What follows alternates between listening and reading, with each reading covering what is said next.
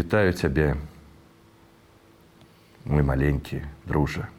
Прывітання хлопчыкі, дзяўчынкі, дарослыя, бабулі, дзядулі. Ёсць у мяне для вас яшчэ адна вельмі цікавая гісторыя. Слухайце уважліва. Гэта гісторыя здарылася зімой. Здарылася з трусяняткам, якога звалі персік. Назвалі яго так, таму што яго поўсць колерам нагадвала гэтую духмяную і смачную садавіну. Жыў персік на ферме разам з іншымі жывёламі. Жылі яны някепска, нават шчасліва. Вось толькі не было у трусяня сяброў. І гэта вельмі яго засмучала. Вырашыў персік адправіцца на пошукі сябра і пайшоў у лес. Страшна яму там было. Лапкі мёрзлі, правальваючыся ў пухнаты снег. Трусік стаміўся, але ж дзесьці яго ж чакаў сябар. Снег падаў прыгожымі шматкамі. І ў гэты дзень у яго была асаблівая музыка, якая нагадвала калыханку мамы. Персік ужо вельмі сумаваў па маме. Яму хацелася хутчэй вярнуцца дадому, Але ж сябр чакае. Трусяня зусім выбіўся сілаў, і раптам на шляху яму сустрэлася ж зайчаня. Аглядзеўшы персіка ад вушэй да хваста, зайчаня сказаў: « Які ты дзіўны, а? На зайца падобны, але кажу шок іншага колеру. Нават на зімовы не памяняў. Так не схавацца табе ад лісыды ваўка. Не схавацца ў снезе. Не бачыў я цябе раней тут. Мусіць ты не з лясных жыхароў. Разгублены маленькі падарожнік адказаў зачанятку: « Я трусік, персік, жыву на ферме. Няма ў мяне сяброў, Вось і выправіўся я на пошукі, бо без сябра цяжка, давай сябраваць. А кожушок ён у мяне такі з нараджэння, А зімовага ў мяне няма. Махнуў лапкай зайчаня і паскакаў, сказаўшы на развітанне: « Не знайсці табе ў лесе сяброў. Тут кожны сам за сябе, Таму сябраваць з табой я не буду. Прападзеш ты адзін, прападзеш. Вяртайся персік на ферму, бывай. Паскакала зайчаня і засмучаны персік пайшоў далей. Не атрымалася яму пасябраваць зайчанём. Зімовы лес быў вельмі прыгожы, накрыты белым покрывам, але занадта непрыязны і неветлівы. Раптам убачыў трусяня на галінцы сароку. Паглядзела яна на маленькага вандроўніка і сказала: « Дзіўны ты, заяц, кажушок не памяняў, Прападзеш, потрапіш на зуб да ваўкады лісіцы. Вынось хутчэй свае лапкі адсюль. Ой, чую, чую, Ой, рудая блізка.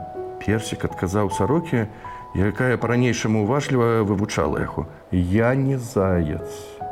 Я трусяня. І таму кажушок не мяняю. Я шукаю сябра, вельмі сумна мне без яго. Вось і прыйшоў я да вас у лес. І не трэба мяне палохаць, цётачка сарока. Лепш скажыце, ці не бачылі вы майго сябра. Сарока толькі паківала галавой. Дурны ты, дурненькі, не знойдзеш ты тут сабе сябра. Тут кожны сам за сябе і сябры нікому не патрэбныя. А вось у лапы ваўка патрапіш, Ой, дакладна патрапіш. Вяртайся дадому, пакуль бяды не здарылася. Вяртайся, моя табе парада. Ой, знерваваўся яшчэ больш трусік. Ну, Няўжо не знайсці яму сябра. Всё ж вырашыў ён працягнуць далей шлях. Усё глыбей заходзіў персік у лес. Усё далей ад фермы і мамы. За гэтага яшчэ больш страшна яму рабілася. Раптам убачыў трусеня вавёрку, якая скакала з галінкі на галінку, абтрасаючы снег той падаў на пысу персіку, прымушаў яго жмурыцца і прыемна казытаў нос. Вавёрка, зірнуўшы на трусяня, сказала: « Не месца, не месца трусу ў лесе. Згінеш, не схавацца табе ад ваўка да лісіцы. Занадта прыкметны твой кажушок на белым снезе. Што? Што цябе прывяло да нас у лес? І адказаў персік, прыціснуўшы вушкі. Я шукаю сябра. Без яго ніяк. Сумна мне і самотна. Шукаю яго ў лесе, бо на ферме я ўсіх ведаю. Сяброў мяне там няма. Я б заўважыў.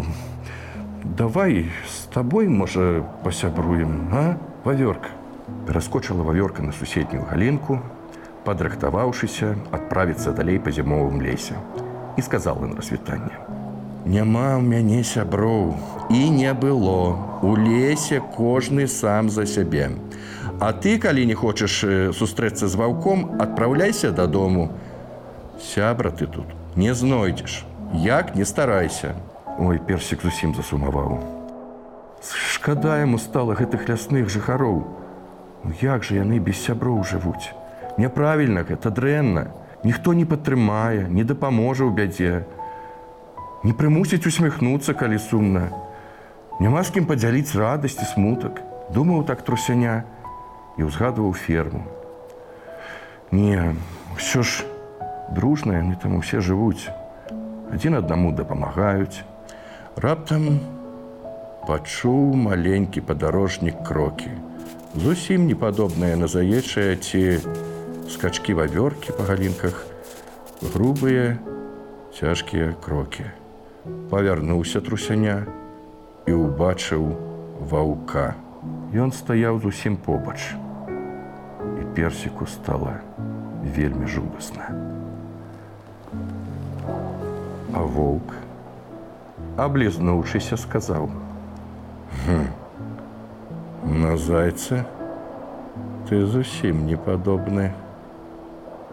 Кажу шок іншы. Значыцца трус. Гэта добра. Чуў я, што ты сябра шукаеш. Давай, давай сябраваць. Я цябе крыўдзіць не буду. Пачаў бліжэй падыходзіць да спалоханага трусяня воўк і адкрыў сваю пашчу, клакаючы зубамі. Вось вось, вось вось адчуваў персік. Зараз ён яго з'есць. Бедны маленькі персік толькі і змог сказаць у адказ: не, не, не хачу я з табой сябраваць, дядзечка воўк, бо вельмі у цябе зубы вялікія і зайцаў ты крыўдзеш. Нядобра не гэта кадыціце. Воўк усё бліжэй падыходзіў да персіка. Ён заплакаў, прыкрыўшы лапкамі вочы ад страху. І ўзгадалася яму ферма. Мама, якая хвалюецца і чакае яго, кабылка зорачка. Назвалі яе так таму, што на ілбе гэтай кабылы красавалася прыгожая белая зорка, падобная да тых, што бачная ў небе грознай зімовай ночы. Зорачка частавала яго морквай, а яму падабалася сядзець ёй у стайне, прыносіць яблыкі з яе улюбёнай яблынькі. Калі яны спелі і пачыналі падаць. Пахла зорачка таксама па-асабліваму сенам, палявымі кветкамі і, вядома ж, яблыкамі. Падабалася яму катацца з зорачкай на спіне і слухаць яе апавяданні пра паездкі ў горад. І зразумеў гэты момант персік, што ёсць, ёсць у яго сябра зорачка.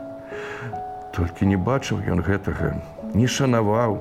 Хацеў бы трусік апынуцца зараз дома, ды вось бяда, не ўцячы яму ад ваўка. Раптам пачуў трусяня ў заснежаным лесе знаёмы голас.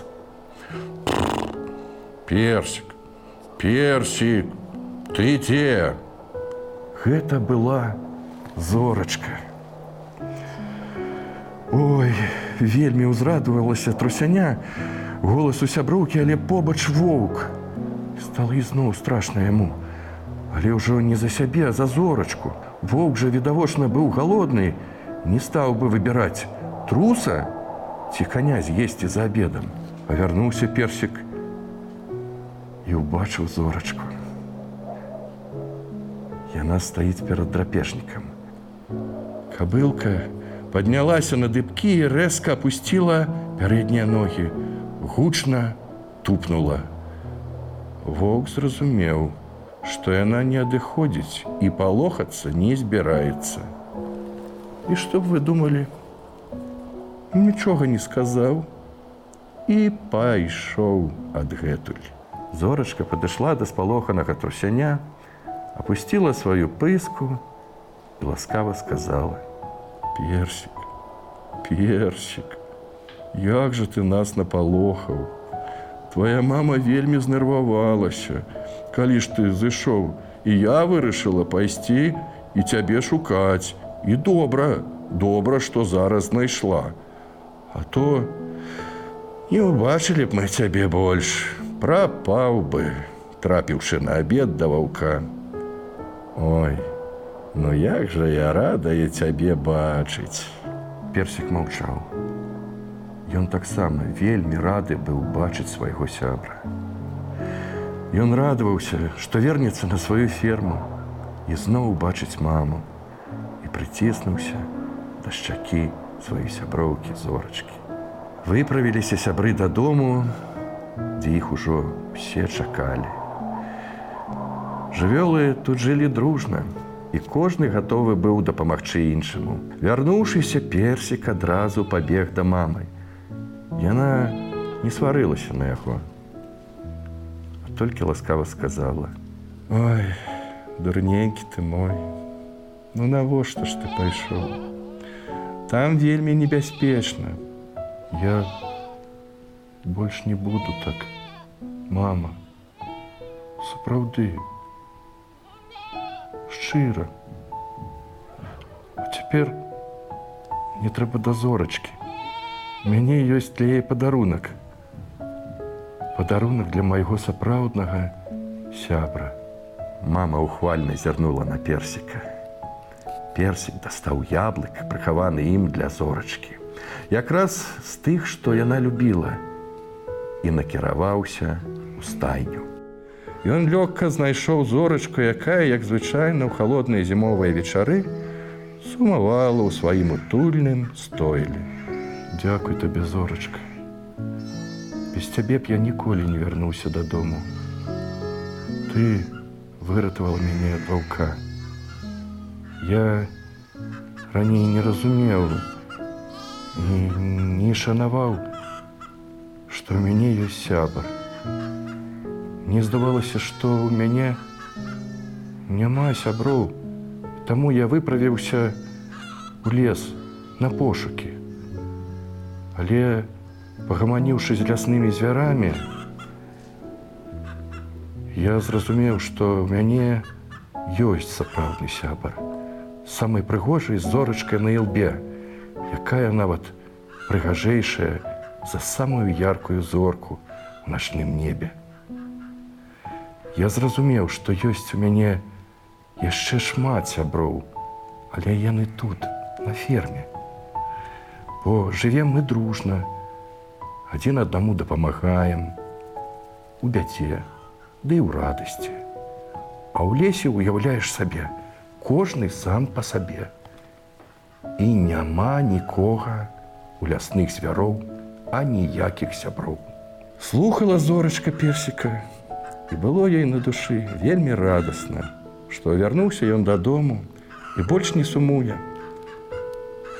Усміхнулася яна, ласкава сказала: « Дякуй, Дякуй табе персік. Я рада быць тваім сябрам, і мне прыемна бачыць цябе радасным, а не сумным, як было да падарожжа ў лес. Я не магла кінуць цябе ў бядзе, бо гэта не па-сяброўску. І дзякуй табе за смачны яблык. Вось так і скончылася. вандроўка трусіка персіка у пошуках сябра. Апынулася так, што сябра быў заўсёды побач. Вось толькі персік яго не заўважаў, але цяпер ён дакладна ведаў. Хто такі сапраўдны сябар?